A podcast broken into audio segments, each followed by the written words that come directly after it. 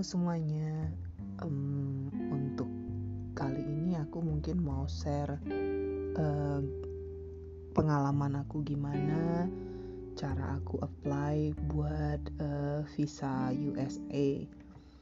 Jadi uh, background aku, aku kan memang hobi traveling. Jadi sebelumnya memang aku udah punya beberapa visa Schengen di paspor aku terus aku juga hobi traveling. Jadi kebetulan dari tahun 2007 aku tuh udah mulai uh, traveling ya. Pertama dari dari Asia dulu baru ke kayak Makau, Hong Kong, uh, terus ke negara-negara makin jauh sih. Ujung-ujungnya tahun 2016 um, waktu itu awalnya sih gara-gara di grup backpacker aku itu ada sale buat tiket ke US yang harganya gila-gilaan banget waktu itu. Jadi harganya tuh di bawah 5 juta. Waktu itu singkat aku 4 juta PP 4, sekian. Itu dari Jakarta udah nyampe ke New York. Itu PP ya tahun 2016 waktu itu belinya. Jadi aku um, jadi waktu itu semua anggota grup itu rata-rata nggak semua sih kebanyakan jadi pada apply buat uh, visa US jadi ikutanlah aku um, buat apply dari uh, visa US nah, tapi waktu itu tiket aku nggak beli ya. Uh, sebab kebanyakan orang kalau orang kedutaan itu bakalan nyaranin uh, kita nggak usah beli tiket. Jadi pun kalaupun jadi syarat buat visa itu cuma buat dami doang. Nanti aku ajarin juga cara buat dami nah um, buat visa US ini um, visa US itu kalau aku bilang uh, bagi aku ya yang yang walaupun aku udah udah traveling udah udah berapa kali ke Eropa buat visa uh, ngurus masalah traveling lah istilahnya tetap aja visa US itu um, bikin aku keder loh. Jadi ya jangan dikira orang yang orang yang biasa traveling itu bakalan langsung approve buat visa US sebab visa US itu bagi aku sih menurut aku ya itu visa yang paling subjektif. Jadi subjektif tuh maksudnya apa jadi kalau kalaupun kita backgroundnya waktu applying visa kita duitnya banyak sampai miliaran terus apa uh, background kerjaannya bagus atau gimana atau juga uh, itu itu nggak kadang kadang kadang bukan jaminan kita approve buat uh, visa US jadi ada juga orang-orang yang kadang-kadang tabungannya malah di bawah 50 juta yang ada kasus yang belum pernah traveling sama sekali walaupun jarang ya jarang banget uh, itu di approve visa visa US-nya untuk untuk pertama kalinya ya. Jadi um, bagi aku itu udah udah bikin keder duluan. Sebab aku ada pengalaman juga teman aku sampai berapa kali dia udah udah sering banget lebih jauh uh, traveling dia ya lebih banyak ketimbang aku dia nggak di approve buat visa US jadi uh, sebelum aku apply aku pelajari dulu visa US tuh gimana sih? Apa sih do and don't-nya? Do and don't tuh maksudnya apa sih istilahnya yang yang jadi kendala buat di visa ini? Terus persiapan kita gimana sih buat apply visa ini? Nah jadi uh, pertama-tama aku tadinya iseng sebenarnya. Uh, karena waktu itu aku udah mau ngajuin uh, mau ngajuin vacation tapi aku nggak di approve tapi udah aku waktu itu udah terlanjur terlanjur masukin jadwal ya.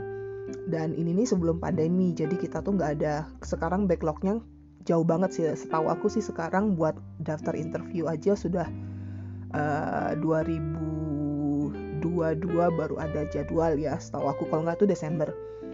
Nah jadi di awal aku sih uh, buka dulu ke DS 160 ya. Ini formulir buat uh, apply visa. Jadi kita mesti ngerti dulu visa apa sih yang mau kita ambil. Jadi yang mau kita ambil itu kalau buat uh, wisata atau bisnis uh, visa untuk Amerika tuh namanya visa B1 atau B2. Nah, kualifikasinya buat B1 B2 ini uh, kalau kita itu bisa nunjukin sebenarnya ya kalau kalau kalau syaratnya itu nunjukin bahwa tujuan dari perjalanan masuk ke US adalah kunjungan sementara seperti bisnis, bersenang-senang atau perawatan medis. Itu yang pertama. Yang kedua, uh, kita tuh bisa juga nunjukin bahwa kita tuh nggak ada rencana tinggal untuk jangka waktu uh, tertentu yang ter, uh, bahwa mereka berencana untuk tinggal untuk jangka waktu tertentu dan terbatas. Yang ketiga, bukti kecukupan dana untuk menutupi biaya selama di US. Yang keempat, bahwa mereka memiliki tempat tinggal di luar US setelah hubungan sosial dan ekonomi lainnya untuk yang, yang mengikat dan menjamin mereka kembali pulang pada akhir masa kunjungan. Ini empat ya yang syarat dari dari dari uh, B1 B2 yang ini dasar base base-nya banget buat apply buat B1 B2 dan nanti jadi dasar kita buat uh, uh, foundation buat pemikiran kita nanti buat interview. Jangan sampai keceplosan jangan sampai. Jadi omongan tuh mesti mesti diingat base bahwa mereka be, mau dari visa B1 B2 ini ini yang mereka mau. Jadi uh, bahwa kita tuh masuk itu ada ada jelas tujuannya tuh apa? Bisnis senang-senang atau medis atau juga kunjungan sementara. Terus uh, waktunya tertentu. Jadi kita tuh tahu. Jadi kalau kalau ditanya kapan dari tanggal berapa sampai tanggal berapa. Terus um, uh, terus kita juga ada tiket pulangnya. Kalau nanti ya kalau sudah di approve tapi kita tuh tahu jelas oh saya mau cuma 10 hari saya mau 14 hari. Saya mau tujuh hari tujuh hari kependekan sih sebenarnya. Cuman kita tuh tahu kapan kita mau berangkat kapan kita pulang. Terus uh, bukti kecukupan dana untuk menutupi biaya selama di uh, uh, Amerika. Sebenarnya dan sebetulnya nggak um, benar ya kalau kata orang bilang oh syarat tabungan harus 50 juta ke atas. Jarang banget. Aku aku bisa bilang jarang banget dari tahun 2016 ah, sampai sekarang ini ya kayaknya. Uh, ketika mulai dari dia ngisi dokumen di dokumen nggak ada loh uh, kamu punya tabungan berapa? Nggak ada terus uh, waktu interview juga ditanya mana duitnya? Itu jarang banget. Aku dari dari dari sekian tahun itu dari sekian banyak orang yang share cerita bahwa mereka apply buat visa US itu aku belum pernah dengar ada yang ditanya e, kamu punya uang berapa? Itu nggak ada.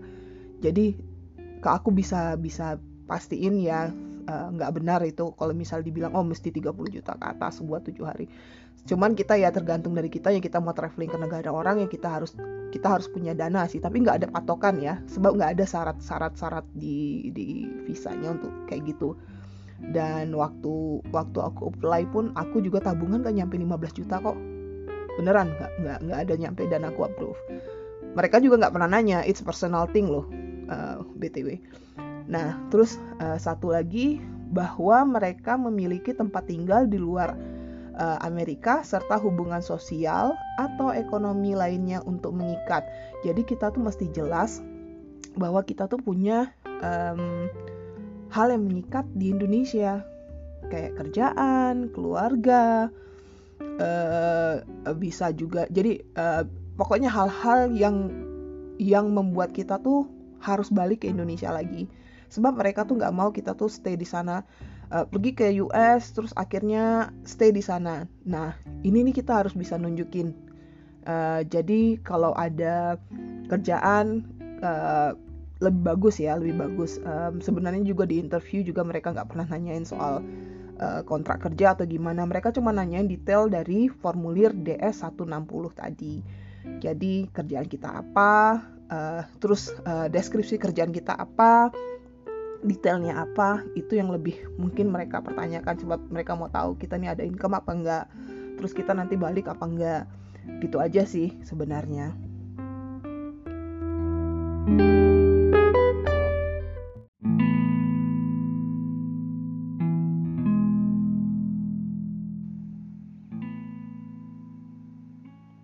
Hai semua, ketemu lagi uh, dengan aku. Um, kali ini kita teruskan aja buat uh, applying visa for turis ya, uh, buat visa turis ke US ya. Ini visa B1, B2. Jadi untuk visa US itu beda dengan visa lain yang selama ini aku buat. Kalau kayak visa Eropa kan kita mesti submit uh, hard dokumen ya kalau dokumen asli dibawa ke kedutaan atau ke uh, third party yang buat uh, visa. Cuman kalau visa US kita ke bisa kerjakan uh, online. Jadi yang diperlukan itu adalah aplikasi DS160 aplikasi DS160 ini kita uh, dapatinnya melalui internet uh, melalui website ya. Jadi saran aku kalau untuk uh, browser apa sih yang perlu di, yang bisa dipakai, yang enak dipakai buat aplikasi ini? Kalau aku sih lihat-lihat review banyak yang ngalamin kendala uh, kalau mereka nggak pakai Firefox atau Internet uh, Explorer ya. Nah, uh, yang disarankan sih dua itu. Cuman uh, bisa juga pakai yang lain, mungkin Mozilla.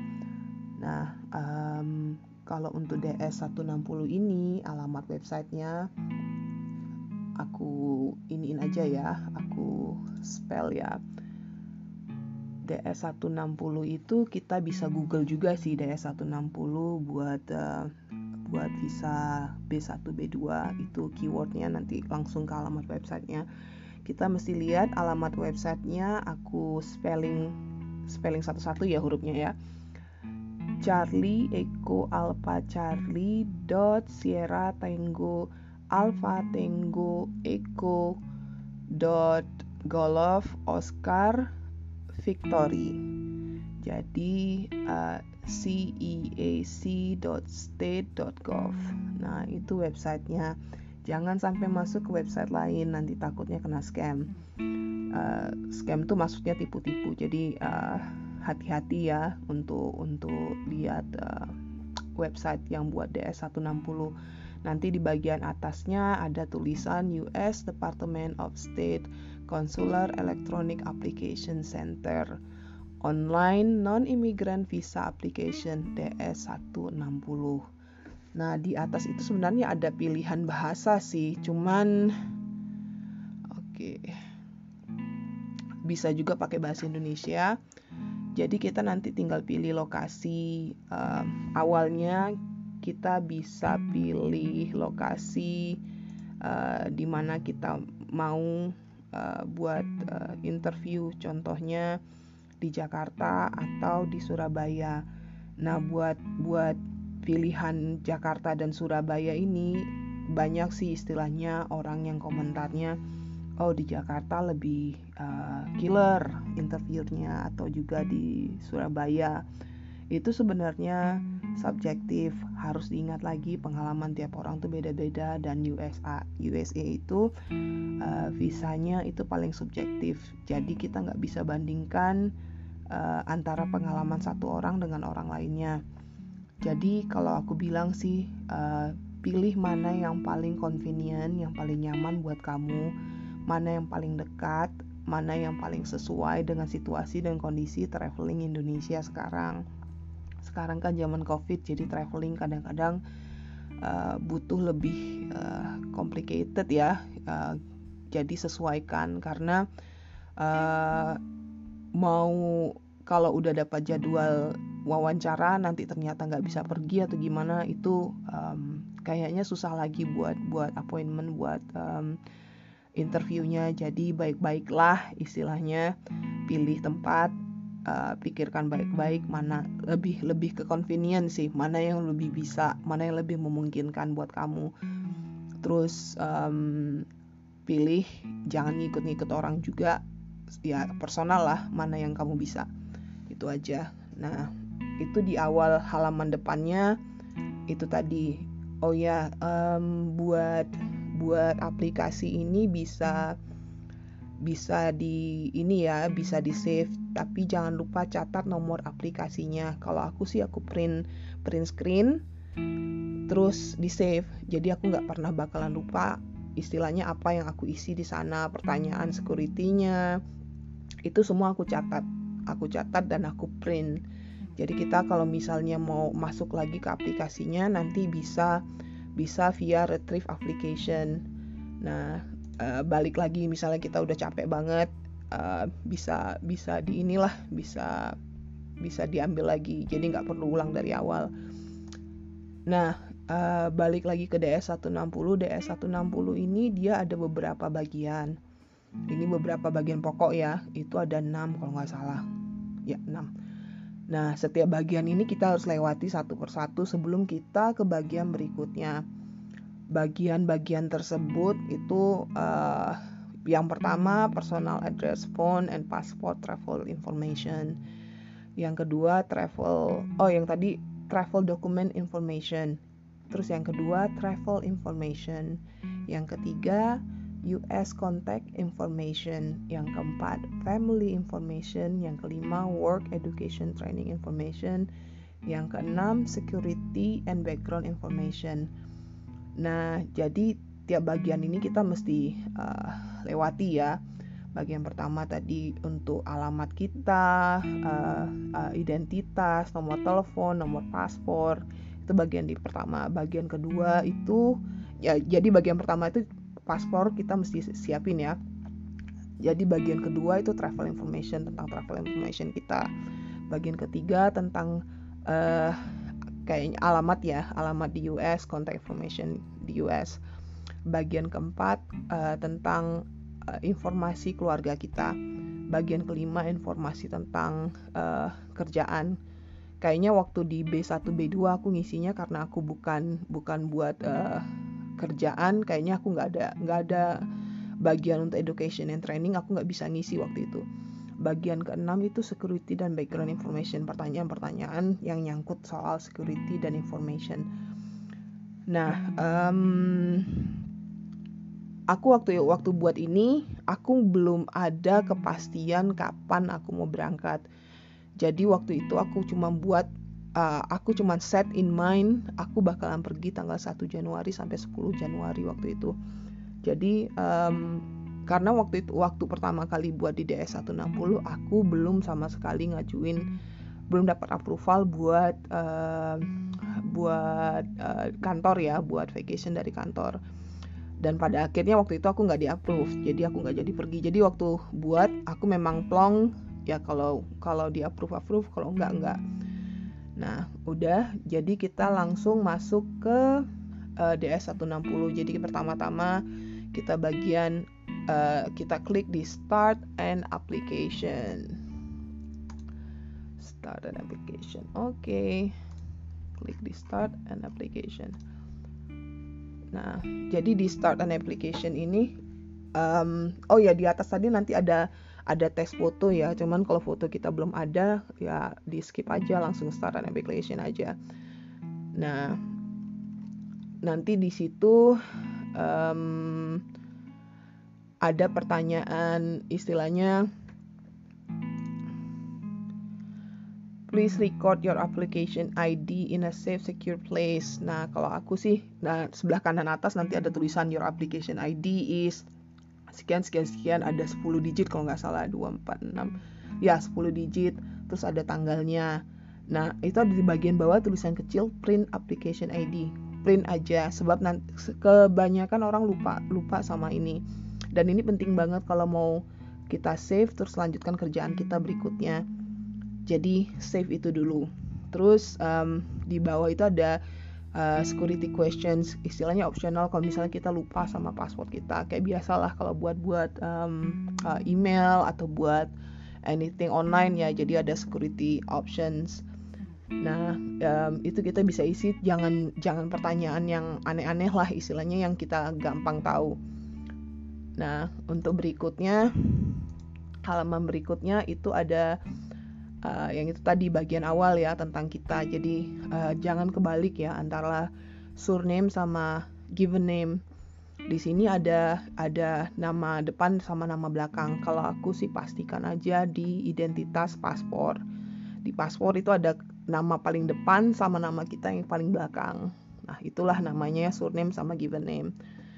Nah, lanjut pertanyaan berikutnya, have you ever used other name? Nah, jadi kalau ada nama nama lain yang kita pakai dan itu sudah di, terpublish, contohnya kadang orang Indonesia suka nama paspor sama nama KTP beda itu tulis aja.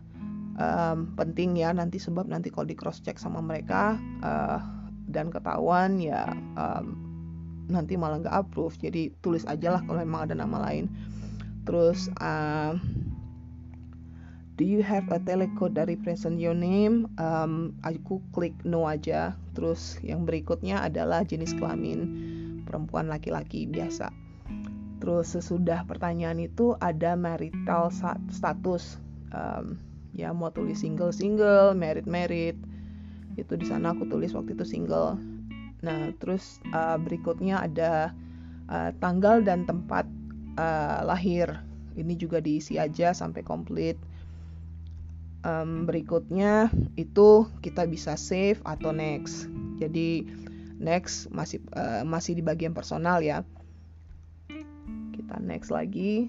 Um, ada pertanyaan country country region of origin. Nationality ini uh, kewarganegaraan. Jadi kita pilih drop downnya di Indonesia. Terus uh, pertanyaan do you hold or have any nationality other than one indicated above on nationality aku kliknya no kalau punya keluarga negara lain, silakan aja tulis. Um, berikutnya, are you a permanent resident of a country region other than a country region of origin? Jadi kalau misalnya kita ada permanent residency di negara lain, jadi um, kita tulis. Kalau enggak ya tulis no aja. Um, berikutnya kalau kita klik no, itu bagian yang di bawah yang dua, yang national identification number sama US uh, Social Security Number itu langsung uh, uh, kita cuma cuma tulis does not apply aja ya. Klik klik klik does not apply. Terus um, halaman berikutnya. Nah ini bagian um, address and phone. Nah jadi address and phone ini uh, ini alamat kita di Indonesia sesuaikan dengan alamat KTP nah uh, di bagian bawah itu ada mailing address sesuai dengan yang kita tulis tadi atau enggak. Mailing address tuh alamat kadang-kadang alamat kita yang tertulis di KTP kan kadang-kadang nggak komplit nggak sekomplit kalau misalnya kita menerima paket atau gimana. Jadi kalau misalnya sama tulis yes. Kalau misalnya nggak sama nanti ya ada tulisan istilahnya uh, berikutnya ada ada per, uh, alamat untuk buat nulis alamat yang lain Nah, buat nomor telepon kita masukkan nomor telepon kita yang aktif. Ini juga penting sebab mereka kadang-kadang kalau butuh data data tambahan mereka bakalan uh, telepon ke nomor ini. Jadi pastikan ini nomor yang aktif terus. Um, nah, ini yang mailing address tadi ya. Sudah so, oh, sorry, bukan mailing address sudah phone number. Nah, secondary phone number kalau ada nomor telepon kedua, in case ini nomor satu nggak aktif atau gimana, nomor telepon kedua masukin aja. Terus email address kita yang paling bawah silakan isi aja. Nah sebatas ini juga kita bisa save atau next. Kita langsung next aja biar cepat. Untuk paspor information uh, nah paspor or travel dokumenta kita kan pakai Indonesia pakai paspor ya bukan travel dokumen jadi kita isi aja di, dari drop down uh, regular Nah, kalau untuk paspor or travel document number, kita masukkan nomor paspor kita dari halaman identitas paspor ya. Kalau untuk paspor book number, kita tulis, kita tick does not apply sebab uh, bukan buat kita ya. Nah, kalau ini semua kayak country authority that issued passport, city, state, country, ini semua ada di halaman identitas paspor kita yang ada foto, halaman yang ada fotonya. Jadi isi sesuai dengan itu. Nah, pertanyaan paling bawah, per, uh, have you ever lost a passport? Jadi pernah nggak paspor kita pernah hilang atau atau ke atau entah nyelip di mana terus kita buat baru nggak aku sih nggak pernah jawab yes ya. Jadi aku jawabnya no. Cuman uh, kalau memang pernah ada lebih baik jujur sih di bagian ini. Oke okay. berikutnya. Nah ini berikutnya tentang travel ya. Travel travel tadi yang itu purpose of trip to the US tujuan buat traveling ke US itu kita buat isi dari drop down karena kita mau tourism. Jadi buat pilihannya temp temp dot business pleasure visit or B nah itu pilihannya. Terus uh, specify specify itu business and tourism uh, temporary visitor. Itu yang kita pilih ya. Sebab kita mau turis itu yang kita pilih. Nah, berikutnya nah ini aku tadinya uh, karena aku waktu itu traveling belum pasti aku tulisnya tanggal 1 sampai tanggal 7 aja. Uh, kalau nggak salah 10 hari, sorry. 10 hari 1 sampai 10 kalau nggak salah. Uh, jadi aku cuman tulis aja tanggal seadanya aja. Um, cuman aku waktu itu aku inform informasikan waktu itu uh, aku niatnya di sana bulan Januari tapi um, nunggu nunggu dari kantor uh, buat approve my uh, uh, vacation aku bilang gitu aja sih. Dan aku bilang itu 10 hari. Uh, note ya semakin lama kamu tinggal di sana semakin besar kemungkinan gak approve. Jadi yang yang sewajar wajarnya aja lah istilahnya. Apalagi kalau punya kerjaan kalau kamu bilang kamu mau liburannya sampai tiga bulan it doesn't make sense. Yang benar-benar aja lah bikin ya 14 hari maksimum itu udah udah maksimum banget. 7 sampai 10 hari itu 7 sampai 14 hari lah 14 hari maksimum itu aja 14 hari mereka kadang-kadang pertanyaan nanti tambah banyak apalagi kalau mereka tahu gimana Indonesia itu punya rata-rata orang Indonesia itu yang kerjaan di kantor cuma punya 12 hari buat vacation itu mereka tahu jadi jadi make sure kamu uh, uh, alasan mau liburannya itu yang jelas ya Nah, uh, kalau aku bilang 14 itu maksimum. Nanti urusan kamu mau berapa hari ke belakangnya itu urusan kamu. Lebih baik yang masuk akal lah istilahnya. Uh, 7 sampai 14 hari maksimum udah that's it. Nah, kalau buat berikutnya ada pertanyaan address where you will stay in the US. Nah, ini orang banyak bingung. Jadi kalau aku sih ini aku aku cuman waktu itu Google alamat hostel di New York karena memang aku set my mind, aku bakalan pergi dari Jakarta, kota pertamanya New York. Jadi di New York itu uh, waktu itu waktu aku isi DS 160, aku Google uh, hostel, hostel dan waktu itu aku cari hostel yang dekat dengan Central Park yang bener-bener aku dalam set in mind oh if I go to US this would be my hostel.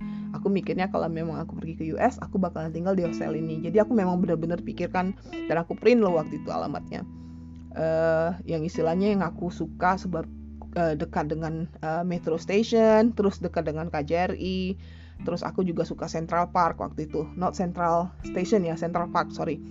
Jadi waktu itu ada ada ada uh, hostel, jadi aku taruh aja di situ. Um, uh, aku taruh street address satu, uh, aku taruh hostel nama hostelnya, terus ada uh, street address duanya, alamat uh, nama jalannya, citynya aku bikin New York, uh, selanjutnya aku isilah sesuai dengan detail dari tempat aku tinggal di sana. Jadi nggak masalah kalau misalnya itu bukan alamat, istilahnya alamat rumah itu cuma alamat hotel, uh, no problem. Jadi uh, isi aja alamat tempat yang kamu mau tinggal di sana memang rencana kalau memang memang kalau memang di approve ya. Nah untuk pertanyaan berikutnya uh, person uh, person or entity paying for your trip siapa yang membiayai liburan kamu ini? Jadi kalau aku sih aku bi bilang self ya aku sendiri yang bayar sendiri. Nah uh, kalau aku sih ini buat mbak-mbak ya yang istilahnya oh my boyfriend will pay. Jadi dia jawab orang lain uh, jangan pernah kamu ngaku kalau kamu tuh punya pacar di US punya tunangan atau entah kenalan kenalan online doang yang belum pernah ketemu. Jangan itu resep disaster banget buat uh, buat nggak di approve ya. Jadi uh, mereka tuh mau lihat kamu tuh mandiri secara finansial. Mereka nggak mau tahu istilahnya nggak nanti ini wah ini orang bakalan jadi urusan kita kalau mereka nanti ke US lontang lantung cowoknya nggak berantem sama cowoknya mau diapain dikit kamu mau ngapain jadi urusan kita juga nantinya. Jadi lebih baik tunjukin bahwa kita mandiri buat pilihannya self. Jadi kita bayar sendiri. Belakangnya kamu memang dibayarin atau enggak itu urusan kamu ya. But this is just um, ini cuman cuman saran aku aja. Jadi uh, terserah mau diikutin atau enggak. Nah pertanyaan berikutnya um, are there other person traveling with you nah ini kamu traveling sama orang lain apa enggak? Nah kalau aku sih waktu itu traveling sendirian ya. Jadi um, aku jawabnya no waktu itu. Tapi kalau memang misalnya ada kamu traveling dengan orang lain ya silakan jawabnya yes ya. Terus uh, ya isilah alamat alamat uh, istilah nama-nama orang yang traveling dengan kamu semua. Kalau aku sih waktu itu travelingnya solo sendirian. Jadi aku jawabnya ya sendiri um, kalau memang traveling as a group sama teman-teman ya isilah nama teman-temannya di sana nah untuk bagian yang terakhir previous US travel information. Nah, ini pertanyaan uh, kalau pernah pergi ke US sebelumnya. Have you ever been in the US? Jadi aku jawabnya no karena aku memang belum pernah pergi ke US waktu itu. Terus uh, have you ever been issued a US visa? Aku jawab juga no karena waktu ini visa pertama aku. Nah, have you ever been refused a US visa? Jadi ini pernah pernah ditolak visa US nggak? Pernah ditolak masuk sama uh, di US nggak? Atau pernah narik uh, aplikasi? Nah jadi gini ya, kalau di US itu kamu sudah punya visa US, udah isu nih visa US, belum tentu kamu bisa masuk ke US juga. Jadi kadang-kadang ada orang yang sudah bisa punya visa US terbang ke sana bisa juga di uh, reject entry jadi mereka putar balik badan dan visanya di revoke. Uh, jadi kalau pernah kejadian jawabannya yes, tapi karena aku belum, jawabannya no. Amit-amit ya. Berikutnya, has anyone ever filed an immigrant petition on your behalf with United States Citizenship and Immigration Service? Ini aku jawab no karena waktu itu aku memang ya maklum lah nggak ada boyfriend waktu itu di US yang bisa petisi. ya selanjutnya kita bisa save atau juga um, lanjut ke bagian US contact lainnya. Nah, di sini um, di sini kita ada kontak orang yang ada di US. Nah, di bagian ini aku sih nggak ada isi ya kalau aku ada kenalan di US atau gimana. Nah, aku sih hati-hati ya istilahnya istilahnya kalau mau ngisi-ngisi uh, kita kenal sama seseorang atau bukan atau enggak itu itu um, kalau aku bilang sih hati-hati banget sebab itu bakalan jadi pertanyaan buat mereka. Mereka bakalan curiga kita bakalan stay di sana. Jadi kalau aku sih walau kalau bukan bukan immediate family kayak orang tua atau kakak kamu mendingan gak usah bilang apa-apa. Itu aja sih. Kalau pacar jangan deh. Nah ini uh, oh ini tentang keluarga. Berikutnya tentang family ya family father full name. Jadi nama bapak nama ibu sama tanggal lahirnya. Terus ada pertanyaan uh, is your father in the US nah makanya aku bilang kalau immediate family silahkan kasih tahu. Tapi kalau nggak ada ya ya nggak usah ngaku-ngaku lah.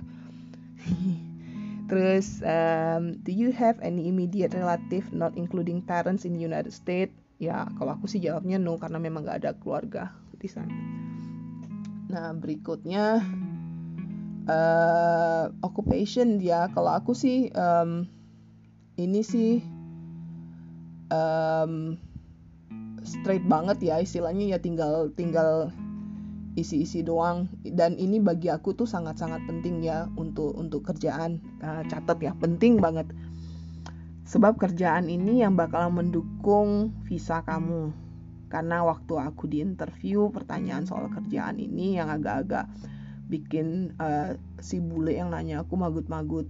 Jadi um, mesti jelas alamat perusahaan kamu berapa lama kamu kerja itu kamu mesti tahu ya. Mesti hafal jangan nanti gagap-gagap atau gimana. Nah ini kita mesti kasih alamat terus um, nomor telepon.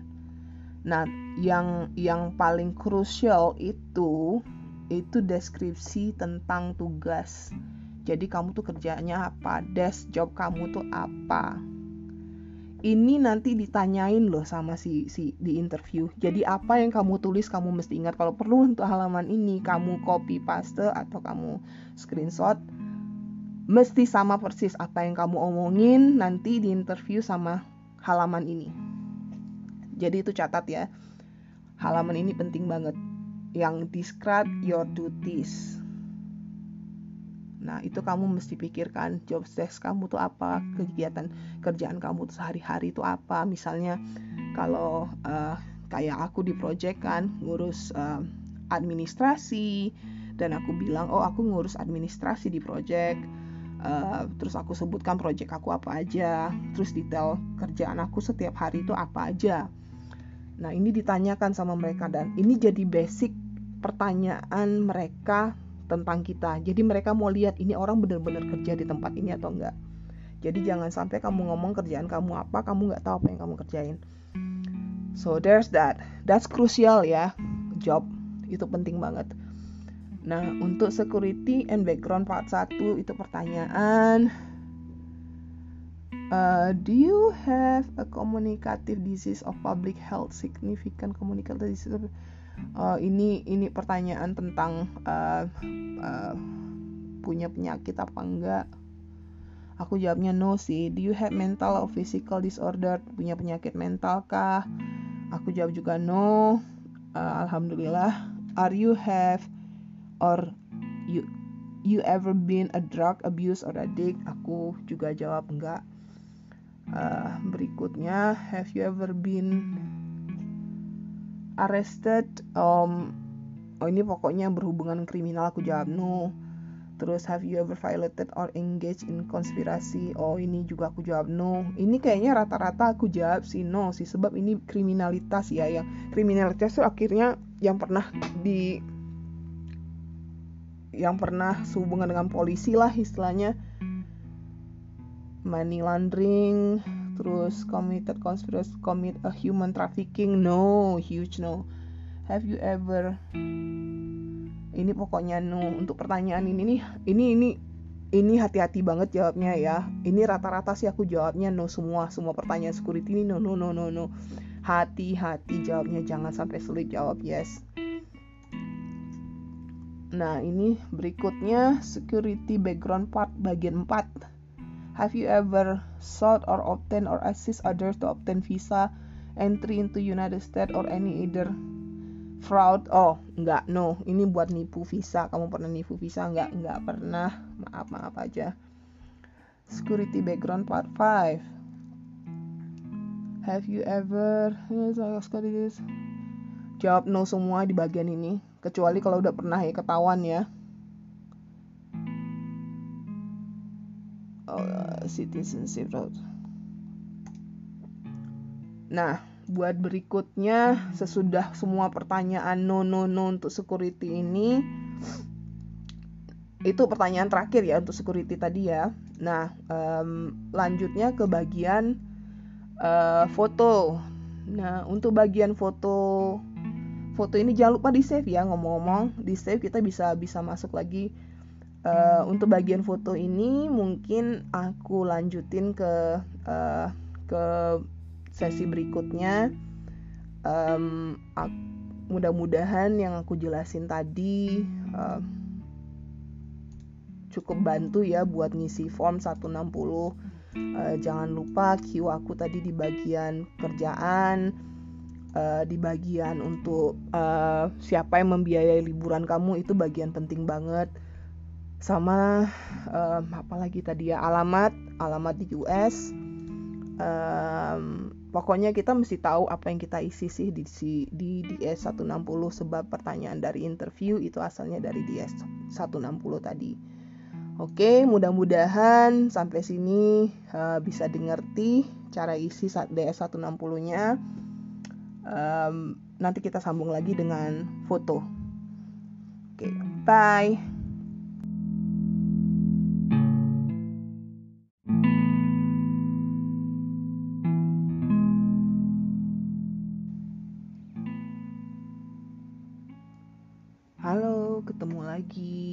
Hari ini aku mau nerusin soal um, pengurusan visa buat visa turis buat ke US ya. Jadi uh, kemarin kan terakhir kita masih ngisi DS 160. Nah, terakhir kali kalau nggak salah kita sudah di bagian security and background information.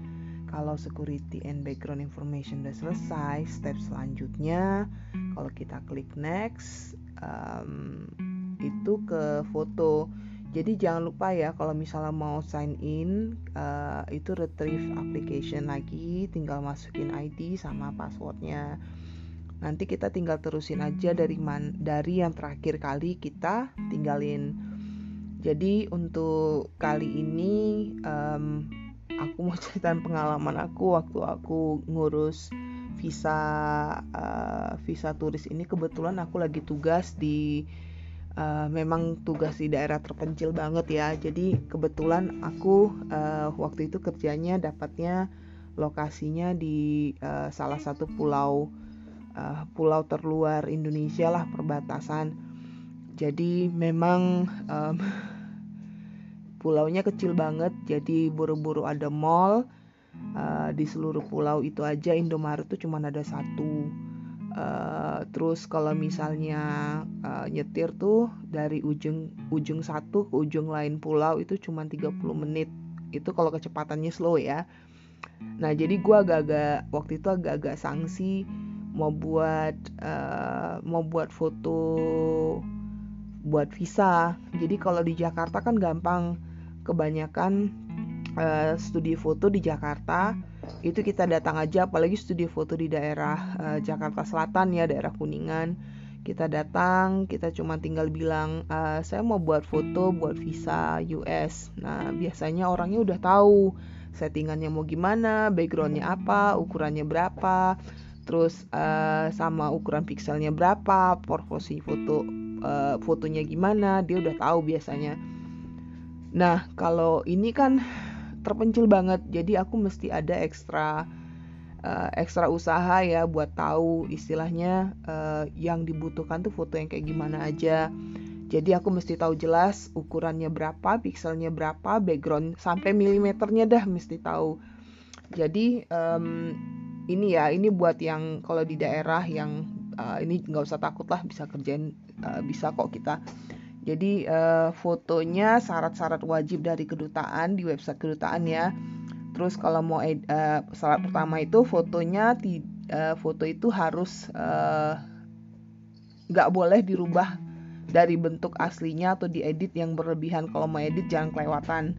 Itu aja. Jadi kan uh, jadi namanya foto visa itu itu kan pakai sistem geometrik yang diambil dari demokrasi eh, demografi wajah contohnya ukuran antara alis ke rambut ukuran ujung mata besar mata bentuk bibir hidung.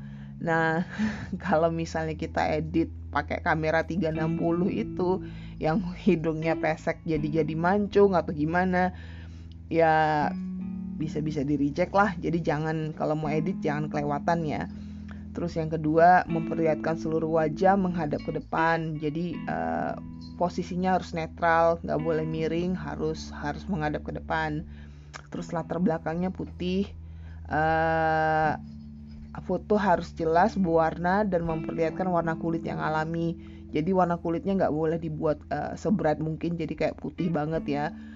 Uh, terus uh, satu juga ini mesti dicetak di kertas mengkilap atau glossy. Nanti tinggal bilang aja sama mas-mas fotonya mas. Mau mau kertasnya glossy ya. Foto itu ada dua satu doff satu glossy. Kalau doff itu dia nggak mengkilap. Kalau untuk syarat buat visa ini dia butuhnya yang glossy. Terus uh, fotonya syaratnya mesti enam, uh, foto yang diambil enam bulan terakhir. Jadi nggak boleh istilahnya foto yang udah tahu dari tahun kemarin atau foto pas wisudaan kita pas foto pas wisudaan kita kita buat wisudanya enam tahun yang lalu bukan enam bulan yang lalu jadi jangan ya itu mesti recent banget Terus uh, ukuran, nah ini penting banget. Ukurannya tuh harus 2 kali 2 inci atau 5 kali 5 cm. Terus uh, posisi wajah harus berada di tengah. Jaraknya antara 1 inci sampai 1 3 per 8 inci atau 2, 25 mm sampai 35 mm dan jarak mata antara 1 per 8 inci dan 1 3 per 8 inci atau 28 mm sampai 35 mm dari bawah bagian foto. Ini proporsional uh, buat foto ya. Jadi kalau aku aku bener-bener ngeprint uh, ngeprint ada, ada guideline-nya sih, ada websitenya buat ukuran ini. Jadi uh, bagian dari atas kepala ke bingkai atas bagian foto sama sama uh, jarak antara mata ke bagian bawah foto itu memang ada proporsionalnya. Jadi nggak bisa sembarangan aja dan mereka tuh agak strict kalau soal foto ini terus um, uh, memperlihatkan bagian kepala pemohon visa termasuk seluruh wajah dan rambut dari ujung kepala sampai dengan ujung dagu serta batas garis rambut di kedua sisi wajah nah um, aku sebenarnya agak uh, ini ya karena aku pakai uh, aku punya poni yang uh, poni lempar. Yang jadi aku uh, waktu itu ada poni tapi poni aku tuh nutupnya separuh wajah dan waktu itu agak pendek sih di atas uh, satu jari di atas alis. Jadi uh, alis matanya masih kelihatan penuh waktu itu masih di approve approve aja sih tapi nggak tahu kalau sekarang ya. Tapi kalau dari syarat syarat kedutaannya gitu jadi seluruh seluruh uh, wajah uh, jadi dari ujung kepala sampai dengan dagu tuh mesti kelihatan jelas. Tapi waktu itu aku di approve um, tapi jangan ditiru kali ya jangan uh, uh, do not make that mistakes lah. Terus tidak menggunakan kacamata hitam atau penutup wajah lain kecuali penutup mata dikarenakan alasan medis jadi kalau ada yang pakai kacamata biasa minus kacamatanya dicopot aja nggak usah dipakai buat foto. Terus uh, tidak menggunakan penutup wajah baik karena alasan tradisional maupun keagamaan kayak cadar atau uh, burka. Jadi nggak boleh pakai yang kayak gini. Kalau pakai jilbab jangan lupa ya jilbabnya itu ditarik agak ke atas jadi ujung rambut batas ujung rambutnya kelihatan. Terus um, kupingnya tuh dikeluarin. Kalau kalau nggak uh, aku nggak tahu ya. Ini ini uh, preference orang juga pakai songkok aja lah songkok itu bahasa bahasa Sumatera banget sih yang buat uh, ciput kayak gitu jadi tutupin kepala. Jadi uh, jilbabnya dinaikin, ujung rambutnya kelihatan, kupingnya dikeluarin, tapi ujung rambut tetap ketutup semua juga nggak masalah sih, asal kelihatan aja batas-batas rambut sebelah mana. Terus nggak pakai aksesoris ya, uh, kayak pakai topi militer, topi-topi apa pokoknya jangan nggak usah pakai topi. Terus uh, hanya terdiri dari pemohon visa aja untuk anak kecil. Pokoknya hanya memuat foto untuk kayak bayi gitu digendong tapi kitanya di, uh, kita pegang kita lapisin pakai spray itu boleh nah terus uh, kalau mau lihat contohnya untuk visa itu kita bisa ke bisa di Google juga sih uh, foto requirement for uh, visa application nanti masuknya ke travel.state.gov uh, nanti itu ada ada halaman itu buat foto um, buat ngetes foto kita tuh bisa uh, sebenarnya uh, comply nggak sama syarat foto buat uh, dokumen di Amerika. Nah, um, komposisinya juga nanti diliatin kok di situ komposisinya gimana. Terus uh, terus uh, waktu kalau pengalaman aku waktu aku ke studio di di kota terpencil itu, di pulau terpencil itu aku tadinya udah udah yang ngedown aja ngeliatnya wah ini bakalan disuruh ulang foto nih. Sebab studionya studionya memang bener-bener kecil pencahayaannya juga seadanya dan aku udah udah udah nggak ngarep banyak. Waktu di print juga ternyata hasil printnya agak gelap. Cuman aku mikirnya um, um, yang penting nggak berbayang satu nggak ada bayangan di muka. Terus yang kedua juga uh, belakangnya juga backgroundnya walaupun nggak kelihatan kayak putih-putih cuman kayak off white gitu. Nggak putih-putih amat ya uh, uh, yang penting terang aja di belakangnya cuman aku mikirnya udahlah aku aku minta foto 5 lembar aja buat ini. Terus apa uh, simpan di minta simpan ke flash disk. Uh, terus aku kan coba masukin ke DS 160 ya. Ha, itu pun hasilnya nggak satu hari waktu itu kok nggak salah. Besoknya baru aku bisa ambil. Terus um, aku coba ke masukin ke DS 160 ternyata sistemnya langsung approve. Ya jadi aku memang laki banget waktu itu uh, nyoba walaupun dengan segala macam kekurangan yang ada di foto itu jadi aku masih bisa masuk ya. Nah terus sesudah sesudah masukin foto uh, nextnya kita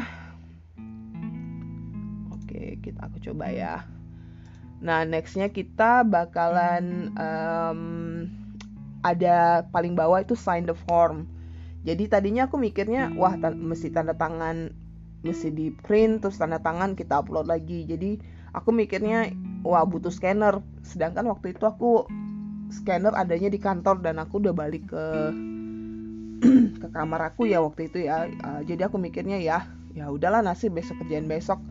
Cuman setelah aku baca lagi ternyata cuman uh, kita ngisi tanda centang aja di di bagian bawah ada boxnya itu kalau kita acknowledge uh, isi form yang sebenarnya gitu doang sih. Itu signnya doang. Jadi nggak perlu pakai tanda tangan pakai bolpen segala macam mesti di scan. Jadi udah udah itu selesai. Nah terus uh, ini ya uh, nanti ada terakhir tuh ada konfirmasi formulir. Nah konfirmasi formulir ini aku simpan di soft file terus di print dua lembar. Kalau aku kuprint aja dengan kualitas paling terbaik. Sebab nanti uh, formulir ini nanti bakalan di kedutaan di pintu masuk itu bakalan di scan sama sama security.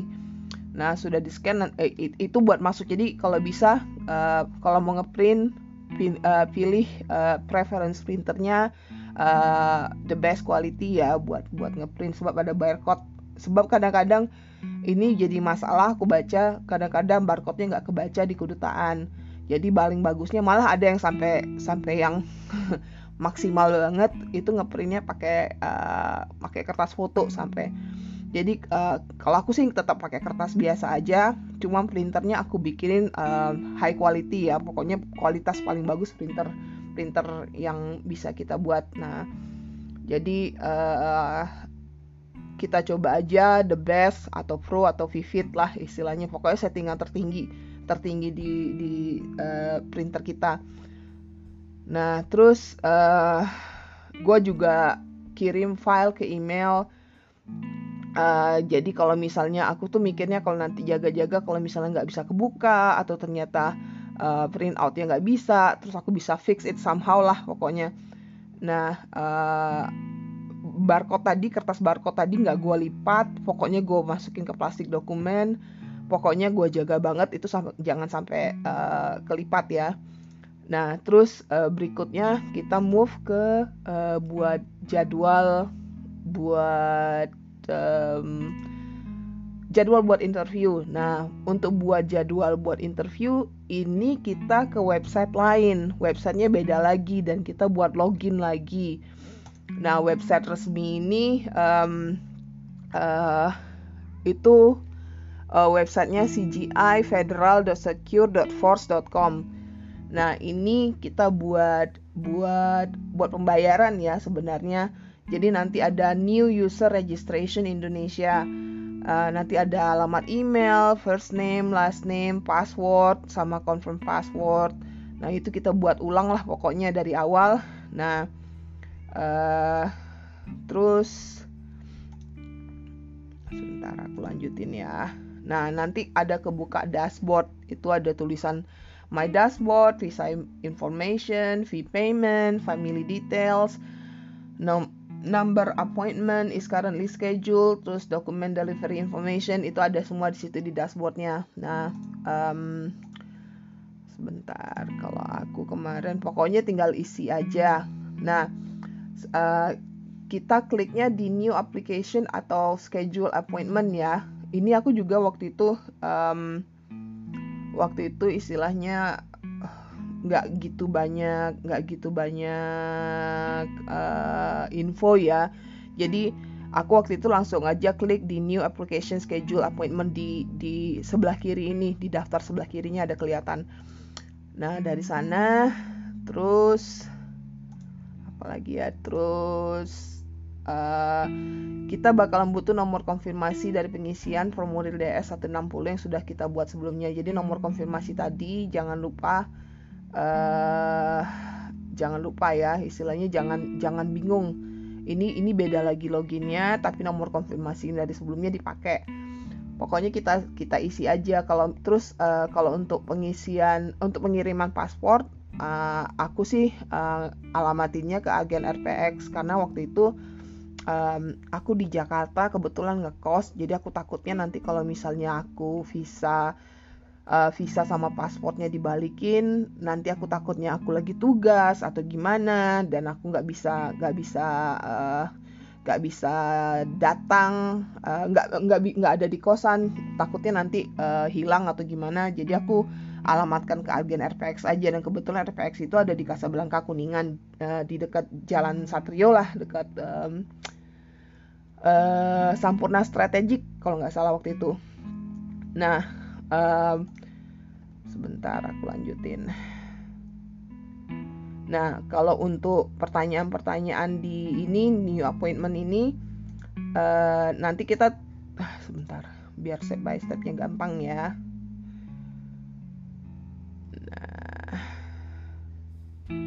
Klik new, new application or schedule appointment. Terus kita pilih non imigran visa. Sudah non imigran, kita pilih, pilih lokasi wawancara. Sudah pilih lokasi wawancara. Nah, sudah B1 B2 visitor. Lokasi wawancara, sudah lokasi wawancara. Mana lagi ya kita